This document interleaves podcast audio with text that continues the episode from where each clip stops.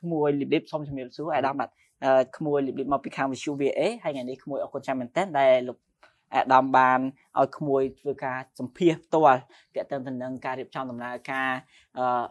ឃោសនាបោះឆ្នោតក៏ដូចជាបញ្ហាផ្សេងផ្សេងដែលគណៈបកមួយចំនួនបានលើកឡើងในការ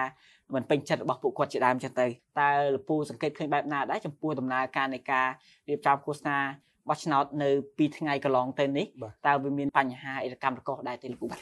បាទអរគុណក្មួយថ្ងៃនេះអឺមានពូមានសេចក្តីសប្បាយរីករាយមែនទែនដែលបានវិទ្យុ VOA ហើយពិសេសក្មួយប្រុសបានមកសភាពូផ្ទាល់បាទតកតងទៅនឹងការគូសាបោះឆ្នោតដែលចាប់ផ្ដើមពីថ្ងៃទី21ហើយមកដល់ពេលនេះគឺវារយៈពេល3ថ្ងៃហើយប៉ុន្តែខ្ញុំធ្វើចង់ធ្វើការកត់សម្គាល់រយៈពេល2ថ្ងៃគឺថ្ងៃម្សិលមិញថ្ងៃទី22ដំណើរការឃោសនាបោះឆ្នោតរបស់គណៈបញ្ញយោបាយ គឺមានភាពល្អប្រសើរបាទគឺគណៈបកយោបាយបានអនុវត្តទៅតាមកម្មវិធីឃោសនារបស់ខ្លួនដែលបានកំណត់ហើយនៅបានមានការចូលរួមពីអាជ្ញាធរដែនដីពីគណៈកម្មការគុំស្កាត់រៀបចំការបោះឆ្នោតហើយពិសេសគឺអាជ្ញាធរដែនដីតែម្ដងដែលបានសម្របសម្រួលការងារសន្តិសុខសុវត្ថិភាពនិងសម្រាប់ធ្នាប់សាធារណៈល្អ ហើយពិសេសគឺដំណើរការហាយក្បួននេះគឺมันឃើញមានការកើតឡើងនៅអំពើហិង្សាណាមួយទេប៉ុន្តែអ្វីដែលគួរឲ្យកត់សម្គាល់គឺការឃោសនាបោះឆ្នោតរបស់គណៈបកមួយចំនួន ដែលលោកប្រាវុហាសានយោបាយអឺមិនស្របទៅតាមគោលការណ៍ដែលកំណត់នៅក្នុងមាត្រា71ច្បាប់ជាការបោះឆ្នោតជ្រើសរើសក្រុមសាគុំសកាត់ដែលមាត្រានេះគឺហាម5ការប្រើវោហាសាសនយោបាយដែលមានន័យប្រមាថ ខ្លឹមសារមាត្រា68 67បាទគឺមាត្រានេះគឺអនុញ្ញាតឲ្យគណៈបញ្ញយោបាយដែលបានចុះបញ្ជីបេក្ខជនគណៈបញ្ញយោបាយចូលឈ្មោះបោះឆ្នោតធ្វើការផ្សព្វផ្សាយកម្មវិធីនយោបាយនិងគោលនយោបាយរបស់ខ្លួនជូនអ្នកបោះឆ្នោតដើម្បីអភិវឌ្ឍឃុំសង្កាត់ក៏ប៉ុន្តែវាផ្ទុយទៅនឹងការប្រើនៃកម្មវិធីនយោបាយនិងគោលនយោបាយដើម្បីអភិវឌ្ឍឃុំសង្កាត់វាទៅជាប្រើវោហាសាននយោបាយទៅប្រមាថមើលងាយ ដៃគូប្រកួតរបស់ខ្លួនទៅវិញទាំងករណីនេះវាកើតឡើងនៅបណ្ដឹងខ្លះអញ្ចឹងយើងមើលទៅបណ្ដឹងសម្រាប់ពីរយៈពេល2ថ្ងៃកន្លងនេះគឺមាន6បណ្ដឹងប៉ុន្តែបណ្ដឹងតាក់ទងទៅនឹងការប្រើវោហារសាស្ត្រមិនពេញលេញឬក៏មិនស្របតាមមាត្រា71នេះគឺមានប្រមាណប្រហែលជា2បណ្ដឹងបាទគឺនៅភ្នំពេញហើយនៅនៅខេត្តបៃលិនបាទពូតាក់ទងបណ្ដឹងហ្នឹងតើខាងគណៈបកណាដែលខ្លះដែលបានមានការបណ្ដឹងផ្សេងបណ្ដោះនេះចឹង បាទគណៈបកដែលប្តឹងគឺគណៈបកប្រជាជនកម្ពុជាលោកប្តឹងគណៈបកភ្លើងទៀនដែលដោយសារតែគណៈបកភ្លើងទៀននេះបានប្រើពាក្យប្រមាថបាទដូចជាការជ្រើសរើសយកអានឹងព្រឹត្តិការណ៍កន្លងមកបាទយកមកបង្ហាញអំពីសកម្មភាពអីផ្សេងផ្សេងដែលជាសកម្មភាពមួយវាអវិជ្ជមានដែលប្រជាពលរដ្ឋទូទៅអាចមើលឃើញក៏ប៉ុន្តែកិច្ចការនេះគឺ ច្បាប់មិនតម្រូវឲ្យទេអានោះចំណុចទី1ចំណុចទី2គឺលោកលើកឡើងអំពីការបដូរមេឃុំអឺស្អីបំរើបកណាដាក់មេឃុំបំរើរាជនេះក៏ជាវោហាសាសនយោបាយមួយដែរដែលមានលេខចោតប្រកាន់អញ្ចឹងករណីដែលត្រូវអនុវត្តឲ្យពេញលេញទៅតាមគោលការណ៍នៃច្បាប់គឺគឺការផ្សព្វផ្សាយគោលនយោបាយនិងកម្មវិធីនយោបាយរបស់គណៈបកក្នុងការអភិវឌ្ឍ ភូមិឃុំជួនតែបោះឆ្នោត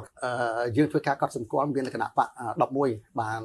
ធ្វើសកម្មភាពឃោសនាបោះឆ្នោតដោយឡែកគណៈបក6ទៀតមិនបានចូលរួមទេចំនួនគណៈបកដែលមានចោះឈ្មោះជាមួយនឹងកើជើបនិងក្រសួងមហាផ្ទៃតើមានចំនួនប្រមាណដែរពួកបាទបាទតាមដែលយើងប៉ាន់ស្មានមិនបិទប៉ាន់ស្មានគឺតួលេខវាប្រមាណជា45គណៈបកដែលបានចុះបញ្ជីគណៈបញ្ញយោបាយតាមច្បាប់ស្អីពីគណៈបញ្ញយោបាយនៃក្រសួងមហាផ្ទៃ ហើយនៅក្នុងចំណោមគណៈបកទាំង45នេះគឺមានគណៈបក17បានចូលរួមប្រកួតប្រជែងការបោះឆ្នោតអញ្ចឹងទេយើងឃើញថាការបោះឆ្នោតយើងលើកនេះមានគណៈបកនយោបាយច្រើនជាងការបោះឆ្នោតមុនមុន ណាលពូដូចដូចបានលពូបានលើកឡើងចឹងថាមានគណៈបក17ចូលរួមប៉ុន្តែក៏មានគណៈបកមួយចំនួនដូចគណៈបក LDP ក៏បានលើកឡើងថាគាត់មិនបានចូលរួមទេដោយសារតែស្ថាប័នកើជបមិនអាចទុកចិត្តបានអីជាដើមចឹងទៅតើចំណុចនេះតើលពូមានការឆ្លើយតបបែបណាដែរពូអាចធ្វើការបញ្ជាក់ថាកើជបជាស្ថាប័នចែងនៅក្នុងរដ្ឋធម្មនុញ្ញជាស្ថាប័នដែលកំណត់អំពីទូនីតិនិងភារកិច្ចនៅក្នុងរដ្ឋធម្មនុញ្ញហើយពិសេសទៀតគឺកើជបមានច្បាប់របស់ អង្គការកោចបគឺច្បាប់ពីការរៀបចំការប្រទៅនៃគណៈកម្មការជ្រៀបចំការបោះឆ្នោតដែលចែងអំពីទូនទីនិងភារកិច្ចចំនួន28នៅក្នុងនោះអញ្ចឹងតាំងពី A តាំងពីកដល់អគឺកំឡុងទាំងអស់តាំងពីតើកោចបទៅធ្វើអីនៅក្នុងដំណាក់កាលនីមួយៗនៃដំណាក់កាលរៀបចំការបោះឆ្នោតអញ្ចឹងដំណាក់កាលសំខាន់ទី1គឺការរៀបចំបញ្ជីបោះឆ្នោតការរៀបចំបញ្ជីបោះឆ្នោតនេះបើយើងគិតអឺ ឲ្យឲ្យឲ្យឲ្យមើលឃើញអំពីលទ្ធផលដែលទទួលបាន គឺប្រជាពលរដ្ឋខ្មែរជាង100000ជាង10លាននាក់ណាត្រូវបកចបចុះទៅក្នុងបញ្ជីបោះឆ្នោតជាង9លាន2សែននាក់ជាងជាអត្រាមួយខ្ពស់ណាស់ចិត្តស្មើ90%នៃចំនួនប្រជាពលរដ្ឋដែលមានអាយុ18ឆ្នាំក៏ដល់ថ្ងៃបោះឆ្នោតអញ្ចឹងទេយើងមើលថាកិច្ចការរបស់កោចបដោយពូបានបញ្ជាក់ខាងដើមអញ្ចឹងគឺត្រូវបានកំណត់ដោយច្បាប់ តាំងពីពេលវេលាចាប់ដើមនិងពេលវេលាបញ្ចប់ក៏ដោយច្បាប់ដែរដូច្នេះហើយអឺភាគីពាក់ព័ន្ធងាយស្រួលណាស់នៅក្នុងការតាមដានពិនិត្យមើលការអនុវត្តរបស់កោចបប្រសិនបើកោចបអនុវត្តខុសគឺយើងមានកញ្ចក់ឆ្លោះច្បាប់គឺជាកញ្ចក់អញ្ចឹងបើសិនជាធ្វើខុសគឺអឺធ្វើការផ្ទៀងផ្ទាត់គ្នាបានជាមួយនឹងច្បាប់សំខាន់មួយទៀតគឺសមិទ្ធផលដែលកោចបបង្កើតបានសមិទ្ធផលនេះគឺជាសមិទ្ធផលដែលជា គេហៅសូចនាករសំខាន់ដើម្បីផ្ទៀងផ្ទាត់អ្វីដែលកំណត់នៅក្នុងច្បាប់ហើយអ្វីដែលជាសមិទ្ធផលអញ្ចឹងយើងអាចធ្វើការពៀតពីគ្នាបានដូច្នេះការចោទប្រកាន់ថាកោជបមិនអាចទុកចិត្តបានណាដោយគណៈបកមួយដែលធ្វើពហិការមិនចូលរួមការបោះឆ្នោតនោះមានន័យថាគណៈបកមិនបានសម្លឹងមើលទៅគណៈបកទាំង12ដែលចូលរួមប្រគល់ប្រជែងការបោះឆ្នោតទេ ចឹងយើងទទួលស្គាល់ថាសម្លេងឬក៏ការបញ្ចេញមតិរបស់គណៈបកដែលធ្វើពហិការបញ្ចូលរួមការបោះឆ្នោតគឺជាទស្សនៈមួយនេះហើយគឺជាសង្គមប្រជាធិបតេយ្យសេរីភូប៉ាប៉ុន្តែសំខាន់បំផុតគឺយើងយកមតិភាគច្រើនជាធំអញ្ចឹងបើសិនជា17គណៈបកចូលរួមប្រកួតប្រជែងការបោះឆ្នោត ហើយគណៈបកមួយមិនចូលរួមប្រកបនឹងពហិការមិនចូលរួមការបោះឆ្នោតប្រជាពលរដ្ឋអាចធ្វើការប្រៀបធៀបបានថាតើកោជបជាស្ថាប័នបែបណាទើបមានគណៈបករហូតដល់17ចូលរួមគ្រប់ជ័យការបោះឆ្នោតមានតែគណៈបកមួយទេដែលមិនចូលរួមប៉ុន្តែបែរជាយល់លេសថាកោជបមិនអាចទុកចិត្តបាន មានខាងមន្ត្រីចងខ្ពស់គណៈបកភ្លើងទៀននឹងបានបានជួបជាមួយនឹងសហភាពអឺរ៉ុបដែរថាកោជបនឹងគឺភាកច្រើនមកពីសមត្ថភាពមកពីគណៈបកប្រជាជនកម្ពុជា ហើយគឺมันអាច លក្ខណៈថានៅតែមិនទាន់អាចរក្សាបង្ហាញនៅអភិក្រិតភាពរបស់ខ្លួនបានទៅដល់គណៈបកនយោបាយក៏ដូចជាប្រជាពលរដ្ឋតើចំណុចនេះលពូមានការឆ្លើយតបណាសម្រាប់ពូគឺគេមិនអាចយកអារម្មណ៍មនុស្សនឹងយកមកធ្វើការវិតម្លៃអំពីភាពឯករាជ្យឬអភិជាក្រិតរបស់ស្ថាប័នទេរឿងឯករាជ្យនៃអភិជាក្រិតរបស់ស្ថាប័នគឺសំដៅទៅលើការអនុវត្តរបស់កោជបអញ្ចឹងបើកោជបនេះ សម្រាប់ពូគឺមកពីប្រភពណាក៏ដោយអត់សំខាន់ទេសំខាន់ត្រង់ថាស្ថាប័នមួយនេះគោរពនិងអនុវត្តតាមរដ្ឋធម្មនុញ្ញគោរពនិងអនុវត្តតាមច្បាប់សិទ្ធិការរៀបចំការប្រតិបត្តិរបស់កោចបគោរពនិងអនុវត្តតាមច្បាប់ទាំង4ណានៃការបោះឆ្នោតចឹងទីយកច្បាប់ទាំងអស់ណាជាគោលសំខាន់ក្នុងការអនុវត្តអញ្ចឹងមិនសមាជិកភាពកោចបបែបណាក៏ដោយ បើសិនជាប្រកាន់គោលការណ៍ទីមួយគឺយកច្បាប់ជាគោលច្បាប់ជាត្រីវិស័យនៅក្នុងការអនុវត្តភារកិច្ចរបស់ខ្លួនវាអត់សំខាន់ទៅលើមនុស្សទេប៉ុន្តែវាសំខាន់ទៅលើសមិទ្ធផលការងារហើយនឹងការអនុវត្តរបស់ស្ថាប័នមួយនេះប៉ុន្តែមតិលើកឡើងថាមិនទុកចិត្តឬមិនទុកចិត្តឯករាជ្យឬមិនឯករាជ្យក៏ជាមតិមួយណាដែលគាត់អាចមានសិទ្ធិនៅក្នុងការបញ្ចេញយោបល់មតិមានច្រើនអញ្ចឹងសំខាន់បំផុតទៅថាតើមតិមួយណាដែលប្រជាពលរដ្ឋលោកស្ដាប់ហើយធ្វើការថ្លឹងថ្លែងបើសិនជាយើងមានមតិ តែមួយយើងអត់មានការថ្លឹងថ្លែងទេអញ្ចឹងអ្វីដែលពូផ្ដល់ឲ្យនេះគឺជាធាតុចូលសំខាន់សម្រាប់បងប្អូនប្រជាពលរដ្ឋថ្លឹងថ្លែងថាតើអ្វីដែលកោជបកំពុងអនុវត្តនោះធៀបជាមួយនឹងការចោតប្រកាន់នោះតើវាពិតដែរទេបាទអឺក៏កោជបថ្មីថ្មីនេះបានបង្ហាញតទៅតួលេខនៃការហាយគណៈបកនៃការចូលរួមរបស់គណៈបកមួយចំនួនដូចជាគណៈបកប្រជាជនកម្ពុជានឹងមានជាងប្រមាណ40000នាក់ហើយគណៈបកភ្លើងទៀននឹងឃើញមានតែតួលេខ1500នាក់ទេហើយគណៈបកផ្សេងទៀតគឺ ជា10000នាក់ដោយសារតែក្មួយបានឃើញនៅក្នុងនេះគេដាក់ថាលេខ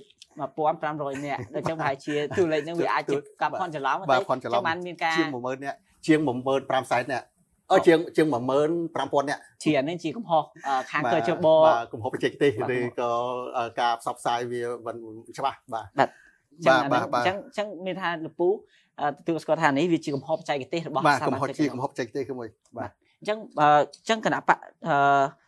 ភ្លើងទៀនហ្នឹងគឺថ្ងៃទី1ហ្នឹងមានអ្នកចូលរួមរហូតដល់15000អ្នកលោកពូណាបាទបាទបាទបាទពូបាទបើតាមមន្ត្រីចុងខ្ពស់របស់គណៈបកភ្លើងទៀនហ្នឹងក៏បានលើកឡើងថានៅខេត្តកណ្ដាលហ្នឹងក៏មានការរៀបរៀងសកម្មភាពការឃោសនាមួយចំនួនហើយនៅក្នុងរាជធានីភ្នំពេញហ្នឹងក៏ការឃោសនាហ្នឹងវាមិនបានទៅតាមចិត្តដែលគណៈបកចង់បានតើបញ្ហានេះតើលោកពូមានការឆ្លើយតបបែបណាដែរបញ្ហានេះគឺវាអាស្រ័យទៅលើកម្មវិធីរបស់គណៈបកមួយមួយ ហើយមកគិតមកដល់ពេលនេះគឺយើងអត់ទាន់ទទួលបានបណ្ដឹងណាមួយពាក់ព័ន្ធទៅនឹងការរៀបរៀងរបស់អាជ្ញាធរឬក៏ការរដ្ឋបិទដោយបែបណាមួយពីភាគីពាក់ព័ន្ធទេអញ្ចឹងទេជួនកាលការលើកឡើងនេះគឺមិនកោជបមិនទាន់ទទួលបានរបាយការណ៍ក៏ថាបានអញ្ចឹងយើងឃើញថាមានផ្លូវមួយចំនួនដូចនៅរាជធានីភ្នំពេញអញ្ចឹងមានការហាមមិនឲ្យហាយក្បួនប៉ុន្តែអាញាធរក៏មានហេតុផលរបស់គេដែរការហាយក្បួនវាអាចធ្វើឲ្យ មានបញ្ហាកកស្ទះចរាចរណ៍វាធ្វើឲ្យរាំងស្ទះដល់ដំណើរការប្រកបដីភាពនៃអានឹងចរាចរណ៍របស់ប្រជាពលរដ្ឋបាទហើយវាអាចប៉ះពាល់ដល់បញ្ហាដំណើរការអាជីវកម្មរបស់រុស្ស៊ីរបស់ប្រជាពលរដ្ឋដែរអញ្ចឹងហើយបានផ្លូវមួយចំនួនត្រូវបានហាមឃាត់បាទអញ្ចឹងទេវាមិនបានជាទូទៅថាផ្លូវខ្នោតអស់សុទ្ធតែអាចប្រើបានទេ ដែលហេតុនេះហើយទើបគណៈកម្មការជាតិរៀបចំការបោះឆ្នោតហ្នឹងបានរៀបចំឲ្យមានកិច្ចប្រជុំរវាងគណៈកម្មការរៀបចំការបោះឆ្នោតជាមួយនឹងអាជ្ញាធរដែនដីដើម្បីកំណត់ទីសាធារណៈដែលគណៈបញ្ញោបាយអាចប្រើប្រាស់សម្រាប់ការឃោសនាបោះឆ្នោតបានអញ្ចឹងមិនមែនគ្រប់តែសាធារណៈទីសាធារណៈឬក៏ផ្លូវសាធារណៈទាំងអស់សុទ្ធតែត្រូវបានអនុញ្ញាតឲ្យហាយក្បួនទេបើមិនអញ្ចឹងទេគឺភាពច្បោកច្បល់ហើយពិសេសគឺ បរិយាកាសសន្តិសុខសុវត្ថិភាពហើយពិសេសសម្រាប់ទ្រព្យសាធារណៈនឹងមិនអាចគ្រប់គ្រងបានទេគួរបាទលោកពូលោកពូអាចជួយបញ្ជាក់ទីនេះទៅណាគេដែលមានសមត្ថភាពក្នុងការកំណត់បែងចែកផ្លូវក្នុងការឲ្យគណៈបញ្ញយោបាយនីមួយៗគួរឲ្យផ្លូវនេះខែផ្លូវនេះកុំឲ្យជៀសបញ្ជាការកកស្ទះឬក៏ការជួបគ្នាដោយចែកដន្យឬក៏ធ្វើឲ្យមានការ មិនពេញចិត្តគ្នាជាដើមចឹងតែអ្នកខាងណាដែលដែលជាស្ថាប័នដែលរៀបចំទៅលើនេះទី1គឺអាជ្ញាធរដែនដីអាជ្ញាធរដែនដីលោកមានថាសមត្ថភាពគ្រប់គ្រាន់ក្នុងការគ្រប់គ្រងរដ្ឋបាលដែនដីរបស់គាត់អញ្ចឹងតាំងពីផ្លូវថ្នល់ទីសាធារណៈអឺការកិច្ចអានេះតំបន់ផ្សេងទៀតគឺអាជ្ញាធរជាអ្នកគ្រប់គ្រងអញ្ចឹងអាជ្ញាធរដឹងច្បាស់ថាផ្លូវណាអាចប្រើប្រាស់បានផ្លូវណាមិនអាចប្រើប្រាស់បាន បន្ទាប់មកគឺគណៈកម្មការរាជធានីខេត្តប្រចាំការបោះឆ្នោតទូអង្គពីរសំខាន់នៅក្នុងការកំណត់ទីសាធារណៈដែលអាចប្រើប្រាស់សម្រាប់ការឃោសនាបោះឆ្នោតរបស់គណៈបញ្ញយោបាយនោះគឺអាជ្ញាធរដែនដីជាមួយនឹងគណៈកម្មការរាជធានីខេត្តប្រចាំការបោះឆ្នោតបាទចំពោះហ្នឹងហើយបើតាមត្រីគណៈបកភ្លើងទៀននៅខេត្តកណ្ដាលគាត់ថាផ្លូវហ្នឹងគាត់ធ្លាប់ហែគណៈបករាល់ដងតើឆ្នាំនេះមានការហាមឃាត់ឲ្យយើងទៅឲ្យធ្វើឲ្យមានការមិនពេញចិត្តគ្នាតើឆ្នាំនេះលោកពូមានការឆ្លើយតបអត់ដែរ ជាទូទៅអ្វីៗទាំងអស់ដោយពូបានបញ្ជាក់ខាងដើមអញ្ចឹងការកំណត់ទីដែលអាចនិងមិនអាចសម្រាប់ការហាយក្បួនឃោសនាគឺអាជ្ញាធរអញ្ចឹងបើសិនជាអាជ្ញាធរហាមគណៈបកណាមួយក៏ហាមគណៈបកផ្សេងទៀតដែរអញ្ចឹងយើងមើលវិញសូមឲ្យគណៈបកនយោបាយពិនិត្យមើលវិញតើរដ្ឋបិទតែគណៈបកខ្លួនហើយបើកឱកាសឲ្យគណៈបកផ្សេងនោះទើប ចាប់ប្រកាន់នោះវាសំហិតសំផលប៉ុន្តែបើសិនជាហាមឃាត់ទាំងគណៈបកខ្លួនឯងរួមជាមួយនឹងគណៈបកផ្សេងទៀតនោះមានន័យថាអ្វីៗគឺនៅក្នុងគោលការណ៍សមាភិបនៃការប្រើប្រាស់ទីសាធារណៈហើយអឺនឹងលពូងាកមកមួយទៀតតើតើទៅនឹងឯកសារមួយឯកសារមួយដែលបែកធ្លាយនៅលើអឺ VOA ទទួលបានអញ្ចឹងណាអញ្ចឹងមានឃើញថាប្រធានមន្ត្រីគណៈបរិយាធានីភ្នំពេញហ្នឹងបានកោះហៅឬក៏ដាក់ស្នើអញ្ជើញហ្នឹងប្រធានការិយាល័យបោះឆ្នោតអនុប្រធានការិយាល័យបោះឆ្នោតនិងលេខាធិការហ្នឹងឲ្យមកចូលរួមវគ្គបំពាក់បំពន់មន្ត្រីបោះឆ្នោតក្រុមប្រឹក្សាណាត់ទី5តែអាហ្នឹងវាមានពិតមែនទេពូបាទបើយើងមើលទៅលិខិតយើងឃើញថាលិខិតមានភាពមិនប្រក្រតីលិខិតអឺវាដោយកុំព្យូទ័រប៉ុន្តែនៅពេលដែលពាក្យបោះឆ្នោត វាទៅជាសរសេរដោយដៃហេតុអីបានជាមិនសរសេរមិនវាយដល់កុំព្យូទ័រតែម្ដងបាទទី1ទី2ភាពមិនប្រក្រតីមួយទៀតគឺគណៈកម្មការការិយាល័យបោះឆ្នោតអត់ទាន់បង្កើតទេអត់ទាន់បង្កើតទេបានន័យថាវានៅក្នុង process ឬក្នុងដំណើរនៃការបិទផ្សាយអឺផ្សព្វផ្សាយអំពីការជ្រើសរើសមន្ត្រីហើយនឹងមានការទទួលពាក្យអឺសុំចូលបម្រើការងារនៅក្នុងគណៈកម្មការ ការិយាល័យបោះឆ្នោតនិងរាប់ស្លឹកឆ្នោតអញ្ចឹងយើងនិយាយជារួមគណៈកម្មការអត់ទាន់មានទេតែការអញ្ជើញនេះអញ្ជើញត្រឹមត្រូវដែរទេការអញ្ជើញនេះតើពិតជាមានគណៈកម្មការការិយាល័យបោះឆ្នោតមករៀនសូត្រដែរទេអញ្ចឹងយើងគ្រាន់តែធ្វើទស្សនវិជ្ជាពីរនេះយើងអាចដឹងថាលិខិតនេះគឺមិនត្រឹមត្រូវទេបាទបាទអញ្ចឹងជាចុងក្រោយលោកពូអឺមានអ្វីដែលជាសំណពើក្នុងការជាពលរដ្ឋ ចូលរួមបោះឆ្នោតនាពេលខាងមុខនេះអរគុណណាស់ហើយអឺពីវិទ្យុ VOA អឺក៏សូមផ្សព្វផ្សាយនិងសូមពៀវនាវដល់ប្រជាពលរដ្ឋប្រវត្តិនៃការបោះឆ្នោតរបស់យើងនេះអត់ដែលមានពាក្យបណ្ដឹងណាតាក់ទងទៅនឹងការលួចមើលប្រជាពលរដ្ឋរបស់ឆ្នោតនៅក្នុងបន្ទប់សម្ងាត់ទេអញ្ចឹងទេសូមបងប្អូនប្រជាពលរដ្ឋកុំបារម្ភចំពោះភាពសម្ងាត់របស់បងប្អូននៅក្នុងការគូសសញ្ញាគ្រប់គ្រងគណៈបកនយោបាយនៅលើស្លឹកឆ្នោត អញ្ចឹងក្មួយលឹបលឹបអរគុណច្រើនមែនទែនពលលពូក្នុងការស្ដាប់បទសម្ភាសន៍ដ៏ក្បោះក្បាយទៅលើនីតិវិធីមួយចំនួននៃការរៀបចំទាំងការឃោសនាទាំងនីតិវិធីទៅដល់ការដំណើរការបោះឆ្នោតអញ្ចឹងក្មួយលឹបលឹបសូមអរគុណសូមជម្រាបលាលោកពូបាទអរគុណគ្រូប្រុសអរគុណច្រើនអរគុណក្រុមការងារបាទ